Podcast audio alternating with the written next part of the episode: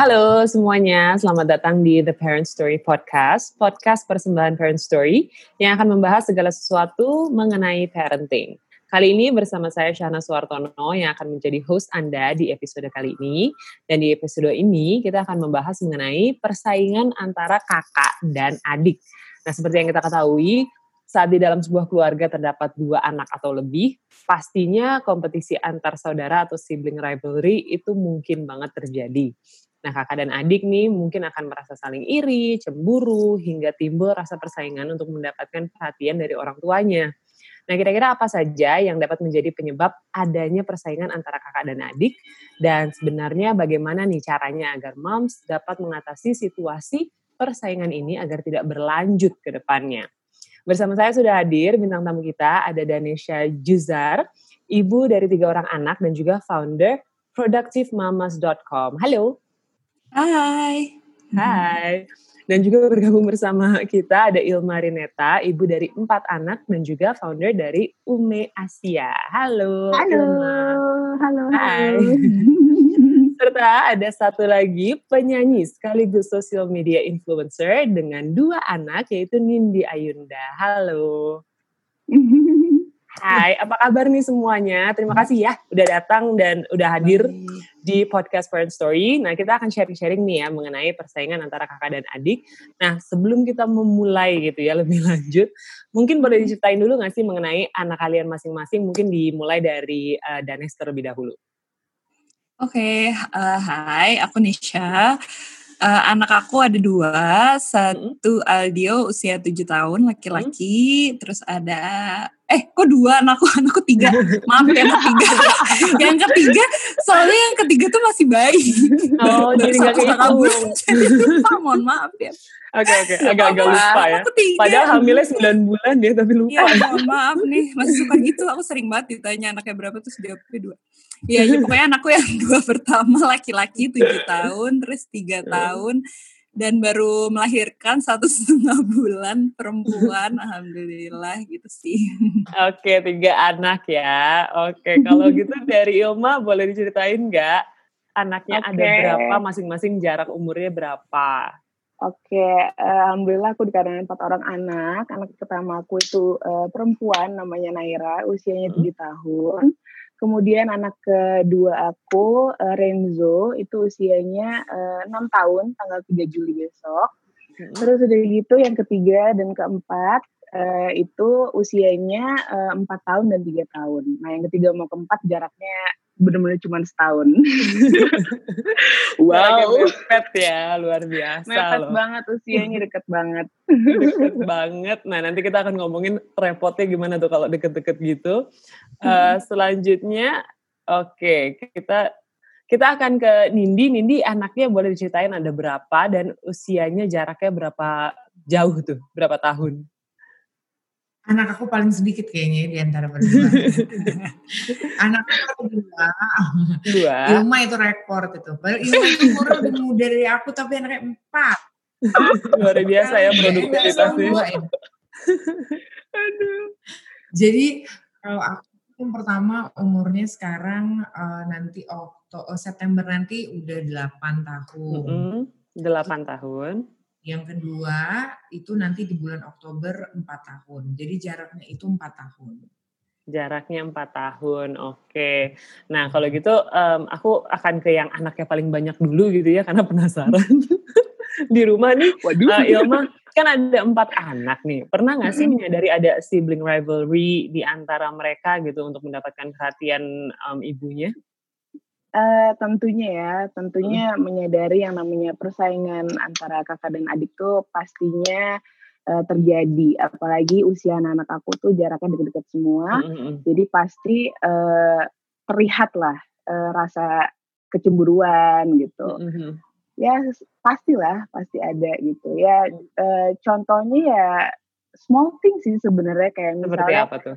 Uh, kayak aku lagi peluk uh, kakak kakaknya gitu. Yang satu hmm. tiba-tiba suka jealous pengen dipeluk juga. Atau enggak uh, yang satu misalnya lagi diajak uh, pergi belanja padahal sebenarnya kan dijemput pulang sekolah gitu ya. Tiba-tiba dia ngeliatnya kok aku di rumah nggak diajak. Hmm. ya kadang-kadang ada yang kayak gitu. Terus habis itu juga paling kalau misalnya lagi kasih reward sih Nah, si reward mm-hmm. misalnya kayak lagi uh, apa namanya uh, ada nilai yang bagus, aku bilang uh, apa namanya good job, yang satu jealous. Kayak gitu-gitu aja sih, yang hal, hmm. hal small thing aja. Apakah itu bikin mereka uh, itu kan sampai sekarang kamu ngelihatnya jealous aja gitu. Pernah nggak mereka beneran hmm. sampai cekcok antar um, satu sama lain? Ya cekcok cekcok ya pasti ya yang namanya mm -hmm. cekcoknya tapi dalam arti bukan berarti uh, apa namanya yang serius gitu loh paling mm -hmm. ya ngerengek manja aja. Kok bunda enggak sih? Eh, apa namanya kok ini enggak eh, kayak gitu aja mm. sih sebenarnya. Kayak mm. lebih lebih apa ya lebih manja aja gitu loh bunda dari mana kok nggak diajak atau kayak oh. aku lagi meluk yang satunya tiba-tiba yang satu ngomong kayak oh aku nggak dipeluk kayak gitu oh, sih. aduh, gitu. pasti ya kalau ada empat gitu. Nah, tapi kalau dari pasti. mungkin dari dari Nindi aku penasaran karena jaraknya kan empat tahun sebenarnya agak uh, lumayan lah ya itu dijarakinnya uh, cukup cukup jauh gitu. Nah, itu gimana? Apakah dia udah tahu kalau itu adiknya atau masih ada perselisihan? Untuk uh, karena aku yang pertama kan anaknya laki-laki, jadi mm -hmm. uh, uh, mungkin pada saat punya Abi, anakku yang pertama namanya Abi itu uh, dia tuh emang apa-apa tuh sama aku terus gitu loh. Jadi mm-hmm. om kalau bangun tidur kalau nggak ngeliat muka aku bisa marah. Jadi aku dulu tuh oh. sering banget kayak mungkin bisa dikatakan dibully sama anak sendiri. kalau nggak ada kita, nggak uh, cuma ngambil minum doang, bangun tidur itu bisa kayak dipegang tangan kita berdiri berdua karena itu hukuman dari dia buat aku. Nah, hmm. Nah, semenjak dari situ aku ngerasa kayak oh berarti Abi ini terlalu deket banget ya. Nah, hmm. pada saat anak kedua itu lagi hamil tuh proses itu aku pelan-pelan kasih tahu, tapi dia senang hmm. banget, senang hmm. punya adik gitu. Terus uh, ternyata uh, yang tadinya apa apa minta digendong dan sampai sekarang masih suka pegang perut aku hmm. untuk tapi pada saat perut aku besar karena lagi hamil jadi kasih tahu jangan pegang karena sakit gitu misalnya kasih tahu ngerti nah hmm. terus pada saat udah lahir itu mulai udah tetap sayang apa segala macam tapi di saat sekarang yang kayak uh, mungkin karena adiknya udah lumayan besar kan udah mm-hmm. bayi lagi mm-hmm. nah mulai mulai ada melihat um, apa ya kayak berantem berantem kecil lah small thing sih oh. karena yang nggak yang ini juga. Jadi kalau beli apa apa harus dua. Jadi, uh, jadi yang misalnya kalau aku membeli barang laki-laki dan perempuan, eh tapi ternyata akhirnya pengennya barangnya laki-laki juga, gambar hmm, yang superhero, nggak mau yang uh, princess-princess. Nah, satu ketika tiba-tiba adiknya ini dikasih uh, minta beliin jam, jam yang apa sih aku juga nggak ngerti lah apa itu namanya frozen Aimo, frozen Aimo ya, Bu. Nah, Aimo. Oh, Aimo. Nah, Beneran kan gue nggak ngerti tuh yang dia lebih apa Nah jadi jam Aimo itu udah dibeliin dua, jadi sama-sama. Pas tiba-tiba adiknya minta yang ada frozen. Nah aku kan nggak mau dong beliin pertama harganya udah lebih udah oh, juga mahal. Terus udah gitu dia belum ngerti juga gunainnya. Tiba-tiba mbak aku bilang, ibu beliin aja yang bohong-bohongan, dibeliin dong.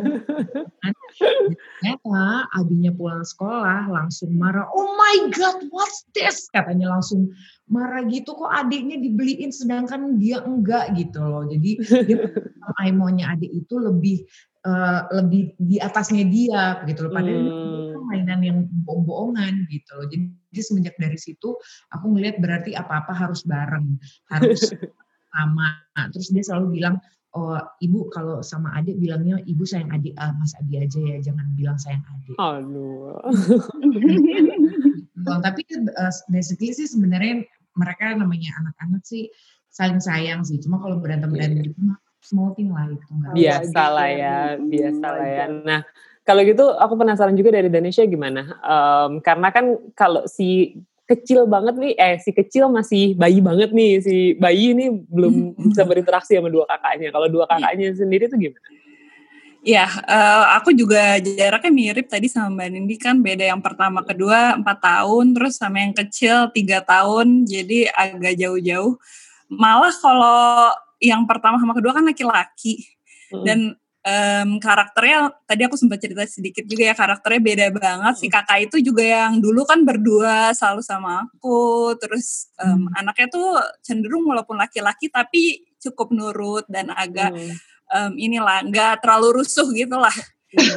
kedua tuh karakternya strong willed banget, agak keras gitu. Jadi pertama-pertama tuh justru dulu setahun pertama justru kakaknya nggak jelas sama adanya tapi justru begitu adanya makin gede hmm. dia itu yang kayaknya perlu attentionnya lebih banyak gitu jadi dia yang malah suka agak kasar gitu kayaknya hmm. dulu tuh kalau entem makanya aku bilang anak kedua tuh udah mau udah stres banget karena mereka laki sama laki berantemnya hmm. bener-bener tonjok-tonjokan pukul-pukulan ya, dan dan guling-gulingan di mana lempar-lemparan bantal dan segala macam aku tuh kayak aduh capek banget. Cuman ternyata memang kan orang eh, mereka berantem itu biasanya kalau anak berantem itu ya perlu attention mm-hmm. dan perlu penyaluran energi lebih gitu kan. Jadi ya setelah aku mau tahu gitu ya aku lebih ekstra ke adiknya. Uh, maksudnya eh kedua-duanya tapi maksudnya lebih equal gitu lah. Tadinya mungkin aku nggak terlalu notice oh adiknya ini perlu attention lebih, perlu ngobrol, perlu apa segala macam. Karena aku pikir oh masih kecil lah, mungkin kakaknya kan yang udah lebih banyak aktivitas. Ternyata pas melihat karakternya yang berbeda banget hmm. itu, um, yang kecil itu aku harus lebih banyak kayak one on one time-nya justru hmm. dan aku menjelaskan ke kakaknya juga sih memang hmm. perbedaan karakter itu cuman um, sekarang udah jauh lebih mending banget setelah memahami ke si perbedaan karakter dan punya peraturan sih juga ya rulesnya. Aku karena mereka cowok sama cowok, jadi kalau berantem aku biarin. Mereka harus selesaiin sendiri, tapi ada batasannya ya. Mungkin kalau yeah. sudah tidak boleh menyakiti, maksudnya yang hmm. sampai misalkan lempar barang atau apa kan itu bahaya, itu, tidak uh, boleh berbahaya, uh, tidak boleh ini. Jadi kalau mereka lagi berantem silahkan berantem masuk kamar, mama nggak mau dengar selesaiin sendiri. Tapi selama itu nggak berbahaya gitu. Tapi kalau udah berbahaya, okay. aku berhentiin sih biasanya di tengah-tengah. Dilerai lah ya gitu. Hmm. Tapi kalau dari cerita uh, semuanya pasti uh, apa ya agree kalau sebenarnya persaingan antara kakak dan adik itu adalah sesuatu yang wajar ya kan karena itu terjadi terus gitu. Nah tapi um, gimana sih kalian menyikapinya gitu karena kan ini pasti membutuhkan um, pengertian apalagi terhadap karakter yang berbeda-beda dengan umur yang berbeda-beda pastinya mereka juga developmentnya kan beda-beda tuh. Nah sejauh ini apa aja sih yang dilakukan uh, mungkin uh, dari Danesha dulu kali ya? Ya melanjutkan yang tadi mungkin aku juga ada cerita sedikit kan. Kalau aku sih yang penting tadi sih peraturan mereka tahu batasan-batasannya di mana um, ya itu tadi tidak boleh menyakiti terus mungkin kata-kata kasar kayak gitu-gitu juga off limits ya Terus uh, mungkin karena mereka cowok sama cowok sih aku biarin tapi ini kan adiknya perempuan. Jadi ada peraturan baru ya, maksudnya terus masih bayi banget. Jadi aku briefing lagi mungkin kalau yang kalian lakukan selama ini tidak bisa dilakukan kepada adik walaupun adik sudah besar gitu. Jadi, uh, terus uh, pas kemarin baru mau punya adik lagi aku juga menjelaskan sih bahwa punya bayi itu um, apa namanya perhatiannya akan terpecah, kok akan nyusuin, misalkan nempel segala macam. Jadi mereka harus sibuk berdua. Kalau aku menangguling menanggulanginya tadi lumayan efektif dengan mereka tahu peraturan itu. Kalau sudah keluar dari batas ya harus agak lebih keras dan terus diulang lagi sih briefing sih, briefing and role playing itu penting banget kalau untuk anak-anak. Oke, kalau gitu dari um, Ilma gimana kalau cara untuk benar-benar bisa apa ya um, um, mengerti dan menanggulangi uh, pertikaian mereka nih? Uh, untuk menanggulangi ya, untuk menanggulangi uh, pastinya kita harus bersikap adil ya. Adil itu harus kita biasakan itu dari mereka dari mereka sudah bisa memahami itu udah harus mulai uh, diajarin gitu loh karena kalau nggak adil nanti yang ada uh, timbul rasa seperti itu kan Terus udah gitu juga kalau aku uh, pasti selalu berusaha mengajarkan mereka untuk selalu respect each other. Jadi uh, harus bisa harus bisa apa ya? Harus bisa um, mereka harus memahami memang kakaknya itu lebih uh, uh, lebih besar, paling besar gitu loh. Kakaknya juga tahu ini adiknya gitu. Jadi sama-sama respect. Dan uh, contohnya kayak apa ya? Simple sih small thing. Kayak misalnya uh, mereka melakukan sebuah kesalahan atau kayak gimana, aku biasanya nggak pernah uh, marahin mereka di depan uh, semuanya. Jadi aku hmm. bawa mereka ke kamar, aku omongin baik-baik gitu loh. Hmm. Terus abis itu juga uh, harus selalu memuji, memuji. Hmm. Jadi kalau misalnya memang uh, mereka lagi uh, melakukan uh, sesuatu yang baik, uh, selalu rajin lah mengucapin buat mereka uh, sama-sama senang gitu loh. Jadi semuanya nggak ada yang uh, berpikiran untuk uh, apa namanya uh, apa bersaing atau gimana. Jadi benar-benar mm -hmm.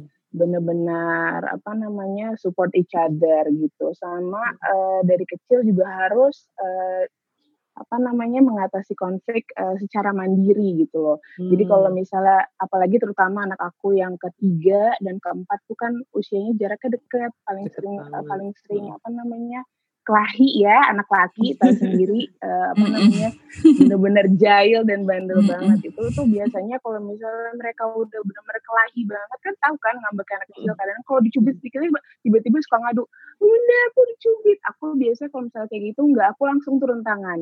Tapi kalau misalnya mereka udah mau main punch punch, udah mau mulai udah mau mulai kasar atau gimana itu baru aku turun tangan. Jadi aku berusaha untuk mengajarkan mereka uh, berusaha lah menyelesaikan masalah uh, secara secara mm. cara mereka gitu loh dengan mm. dengan dengan dengan usaha mereka masing-masing sih. Gitu mm. Kalau kalau udah kepepet baru baru nyemplung gitu kali ya, Ilma ya. Iya harus harus kayak gitu karena kalau enggak apa-apa dia dikit bunda, ya, dikit iya, bunda, apa, apa kayak gitu gitu minta okay, tolong okay, jadi okay. ada ada baiknya jadi harus uh, apa namanya dan itu proses ya nggak bisa langsung mm -hmm. Instan break mereka bisa kayak gitu gitu. Nggak mungkin semua kan pasti yeah, butuh yeah. proses gitu. Nah dan itu okay. menurut aku merupakan salah satu proses aja sih gitu. Baiklah kalau dari Nindi gimana? Uh, gimana caranya untuk uh, menyikapi gitu kalau mereka tiba-tiba rusuh sendiri? Apa ya? Uh, sebenarnya ini kita kan nah hmm. kita masih kayak aku sendiri masih jadi ibu ibu baru ya hmm. uh, masih banyak banget yang harus digali belajar dan kadang kan kita melatih rasa sabar atau hmm. cari ilmu tentang uh, menjadi orang tua itu kan nggak sekali jadi gitu loh dan hmm. dan itu uh, harus kan ngobrol sama orang atau misalnya hmm, betul baca-baca sesuatu. Aku sih sering banget kayak yang baca-baca yang entah di Google, entah di mm -hmm. nah kayak sekarang di Instagram kan banyak banget tuh yang banget. kayak dari rangkuman-rangkuman psikolog gitu. Mm -hmm.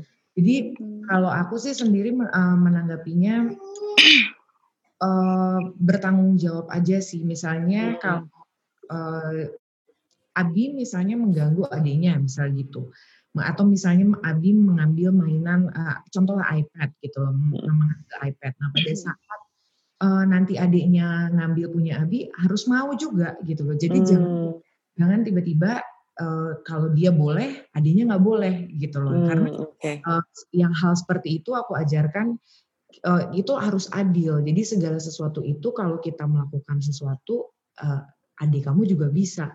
Nah, hmm. cuma penting caranya tidak boleh dengan kasar gitu loh. Karena kadang-kadang hmm. ya ini awalnya bercanda sepele. Karena bercanda nanti tiba-tiba jadi buyar gitu loh. Hmm. Awalnya bercanda-bercanda.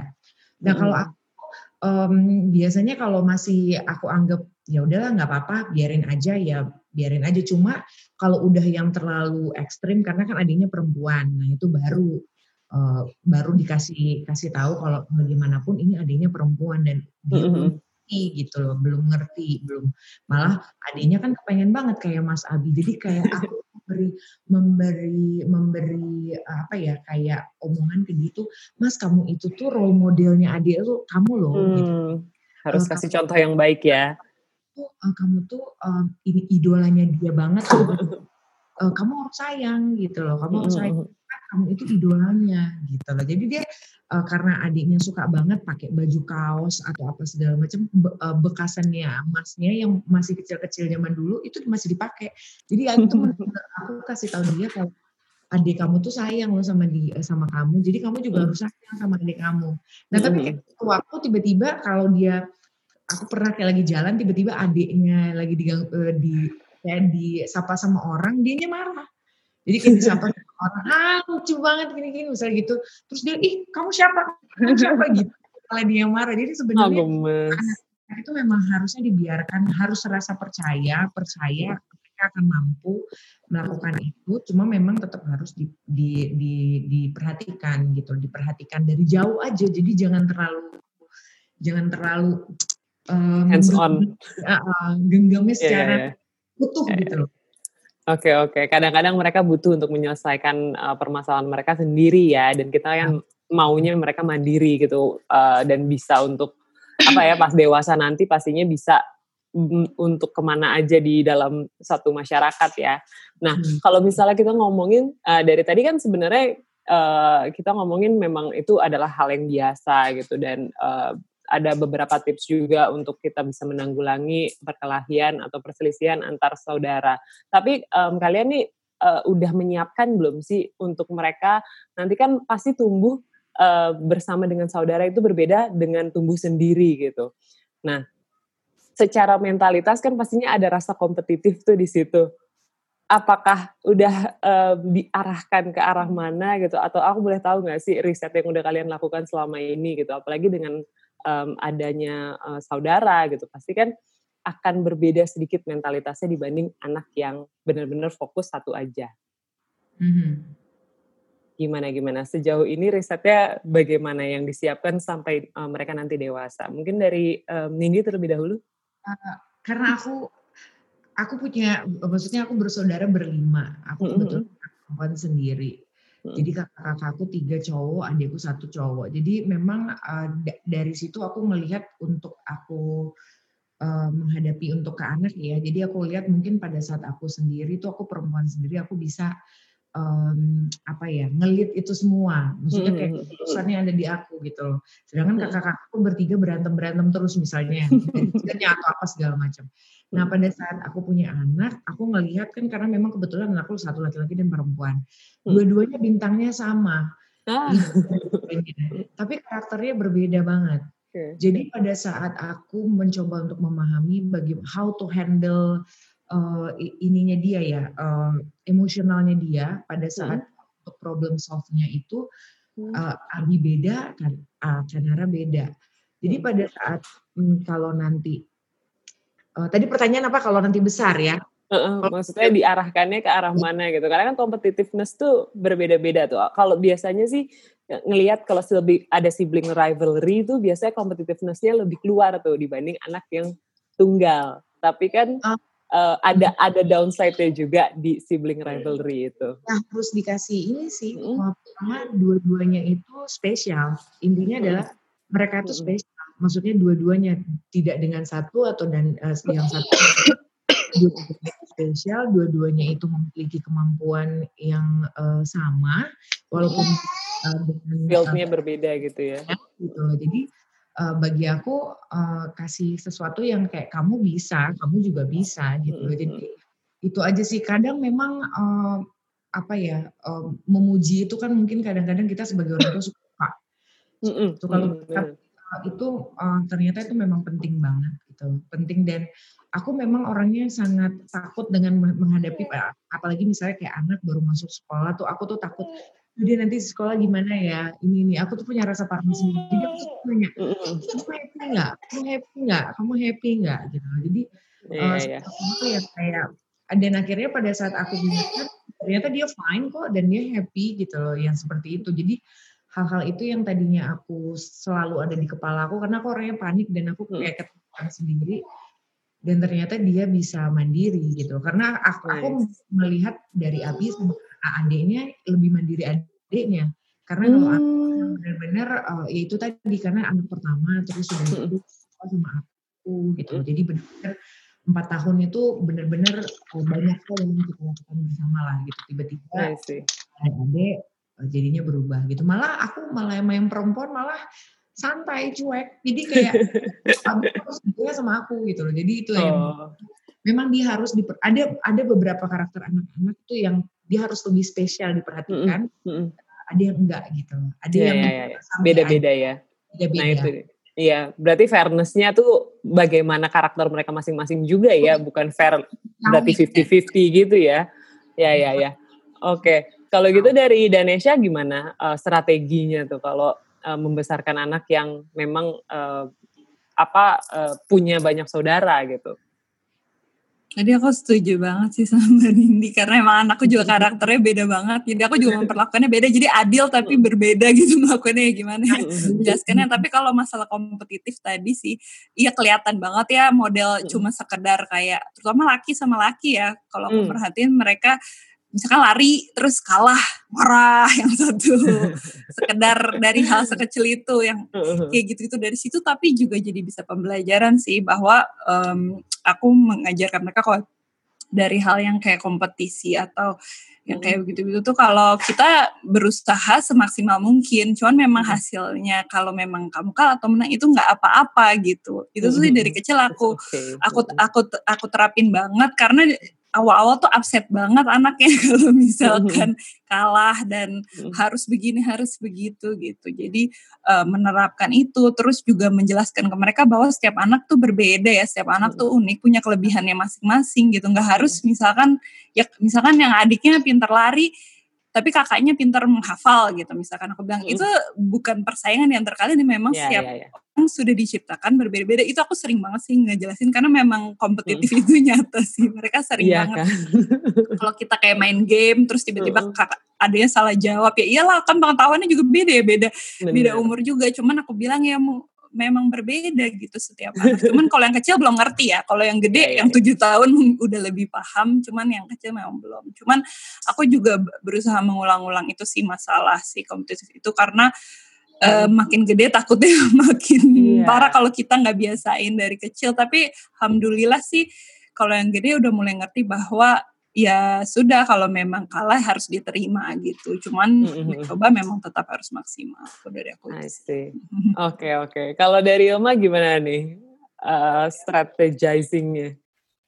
Uh, strateginya sih yang pasti uh, harus selalu sabar ya sabar kasih pengertian gitu loh masing-masing. Karena biar gimana pun kan uh, mereka bersaudara dan uh, ke depannya mereka tuh akan saling membantu dan support kan jadi uh, kalau buat aku ya cara cara yang paling aku adalah dengan dengan banyak uh, memberi mereka ini aja sih uh, apa namanya uh, masukan bahwa ya harus sama-sama support ya harus banyak sabar aja sih intinya gitu strateginya gitu paling uh, apa ya uh, karena karakternya kan beda-beda gitu ya kalau kalau yang uh, perempuan itu untungnya karena anak pertama aku adalah perempuan, jadi dia lebih uh, ngayong gitu loh. Jadi dia benar-benar benar-benar kadang aku ngeliatnya kayak aduh kok udah dewasa banget nih anak gitu loh karena kadang yang jadi pemisah dari setiap uh, perkelahian dari tiga laki-laki ini adalah kakak perempuannya gitu. Aku juga lebih tapi mungkin karena mungkin ya anak pertama ya dia lebih lebih lebih peka lebih uh, dibilang banyak aku sama keluarga sama suami aku tuh selalu uh, berusaha fair. Fair dalam arti biarpun dia adik kalau dia mem eh, kakaknya salah kakaknya harus minta maaf gitu jadi uh, ya itu aja sih paling intinya harus banyak sabar sama-sama saling support karena biar gimana pun uh, pasti yang namanya uh, perselisihan pasti akan terjadi. Apalagi okay. jaraknya deket-deket. Yeah, yeah. Gitu. Jadi kalau yeah, yeah, kuncinya yeah. adalah sabar. Sabar. Coba sabar, sabar bisa dijual gitu ya. Sabar dan support banyak selalu. sabar dan support sama-sama support sadar aja sih. Gitu. Baik, dan, baik. Oke, okay. nah kalau gitu um, aku pengen tahu juga gimana sih caranya kalian menghindari gitu biar biar um, mungkin tips and triknya. apa, apa? Eh, uh, apa tips and triknya untuk menghindari adanya persaingan antara kakak dan adik ini? Tips Jadi siapa dulu ini? Oh, Nindi dulu deh, Bu, Bu. oh iya, oke. Okay. Nindi dulu. Aku lagi mencerna tips and trik. Uh-uh. Untuk menghindari adanya persaingan uh, yang mungkin uh, bisa dibilang cukup parah gitu ya. Kalau misalnya kayak cuman marah-marah doang kan mungkin mungkin itu biasa gitu cuma kalau sampai um, tiba-tiba ada pergulatan terjadi um, biasanya itu pergulatan-pergulatan itu akan terjadi itu di saat kita dewasa hmm. kalau menurut aku ya. Aku masa uh, gini loh di saat mereka anak-anak itu mereka itu kan uh, memorinya itu merekam segala sesuatu mm-hmm. yang baik dan yang tidak gitu loh. Mm-hmm. Jadi pada saat dia nanti besar dia mem- memikirkan sesuatu yang hal-hal yang dulu karena gini, gini loh kita tidak bisa menyamakan semua orang tuh untuk menghapus semua memori itu bisa sama mm -hmm. gitu yeah, yeah.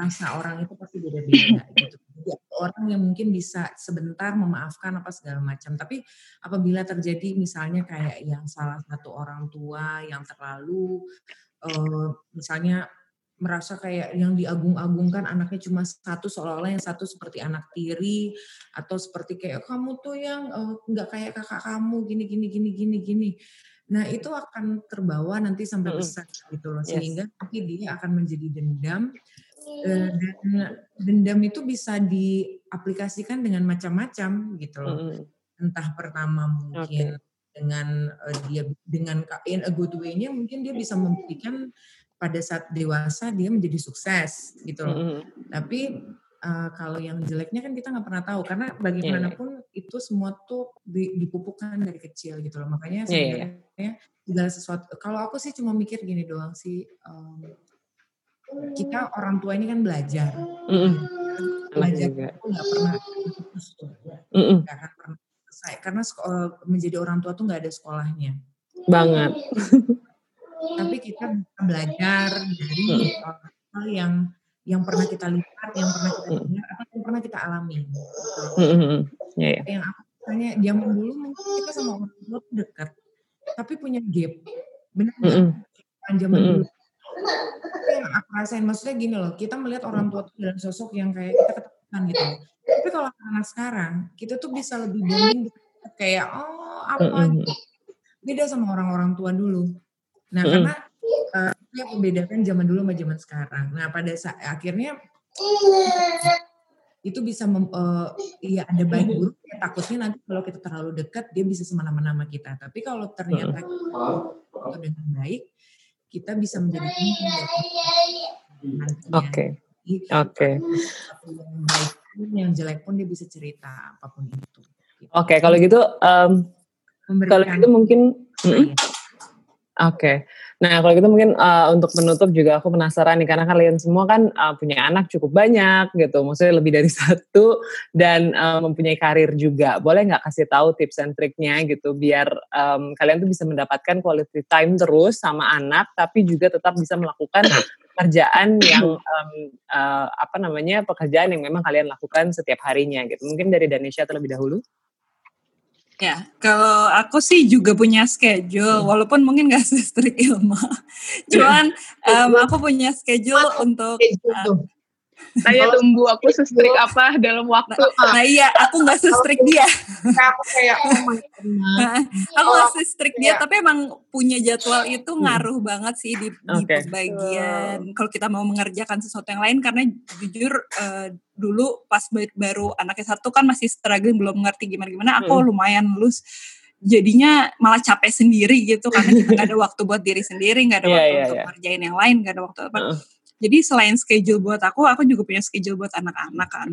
Baik. Jadi misalkan kalau anak yang umur 7 tahun kan udah bisa kita sama-sama diskusi membuat schedule-nya mm. dan segala macam. Cuman kalau yang kecil 3 tahun belum ngerti, itu schedule-nya dalam bentuk gambar gitu. Jadi oh, dia okay. tahu kayak ada gambar jam, terus kayak ada gambar misalkan mandi, makan. Terus kalau ada gambar misalkan aku mau kerja tuh kayak gambar kayak ibu-ibu di laptop gitu atau apa. Okay. Aku kadang nerapin iya, aku kan harusnya kalau enggak tuh kan ngerengin okay. maunya nempel kan. Iya, Pasti kan glendot glendot gitu kan. Okay. Terus-terusan. Jadi kayak di waktu yang ini kamu main sama kakak atau kamu main sendiri kalau ini atau misalkan hmm. screen time atau apa ini okay. waktunya mama bekerja gitu. Awal-awalnya emang susah sih dia mengerti itu gitu. Cuma lama-lama sih uh, lumayan sih uh, apa okay. namanya karena udah kebiasaan mm-hmm. jadi bisa punya waktu itu. Kalau waktu okay. me time juga termasuk di situ dan okay. apa ya um, juga kerja sama sama suami ya sama orang rumah dan sama suami juga. Kalau memang kita harus mengkomunikasikan dengan baik sih sama mereka mungkin waktu segini nih gue perlu me time, waktu segini yes. gue perlu kerja atau ini okay. lo quality time dong sama anak-anak atau semacam mm. kayak gitu. Baik, perlu komunikasi intinya, yang baik sih. Intinya perlu jadwal yang memang harus uh, dibiasakan setiap harinya sehingga mereka juga uh, bisa tahu kalau itu rutinitas mereka ya. Kalau dari komunikasi apa? dari Distrik Batu. Dari aku ya? Dari aku yeah. kan? Iya. Yeah.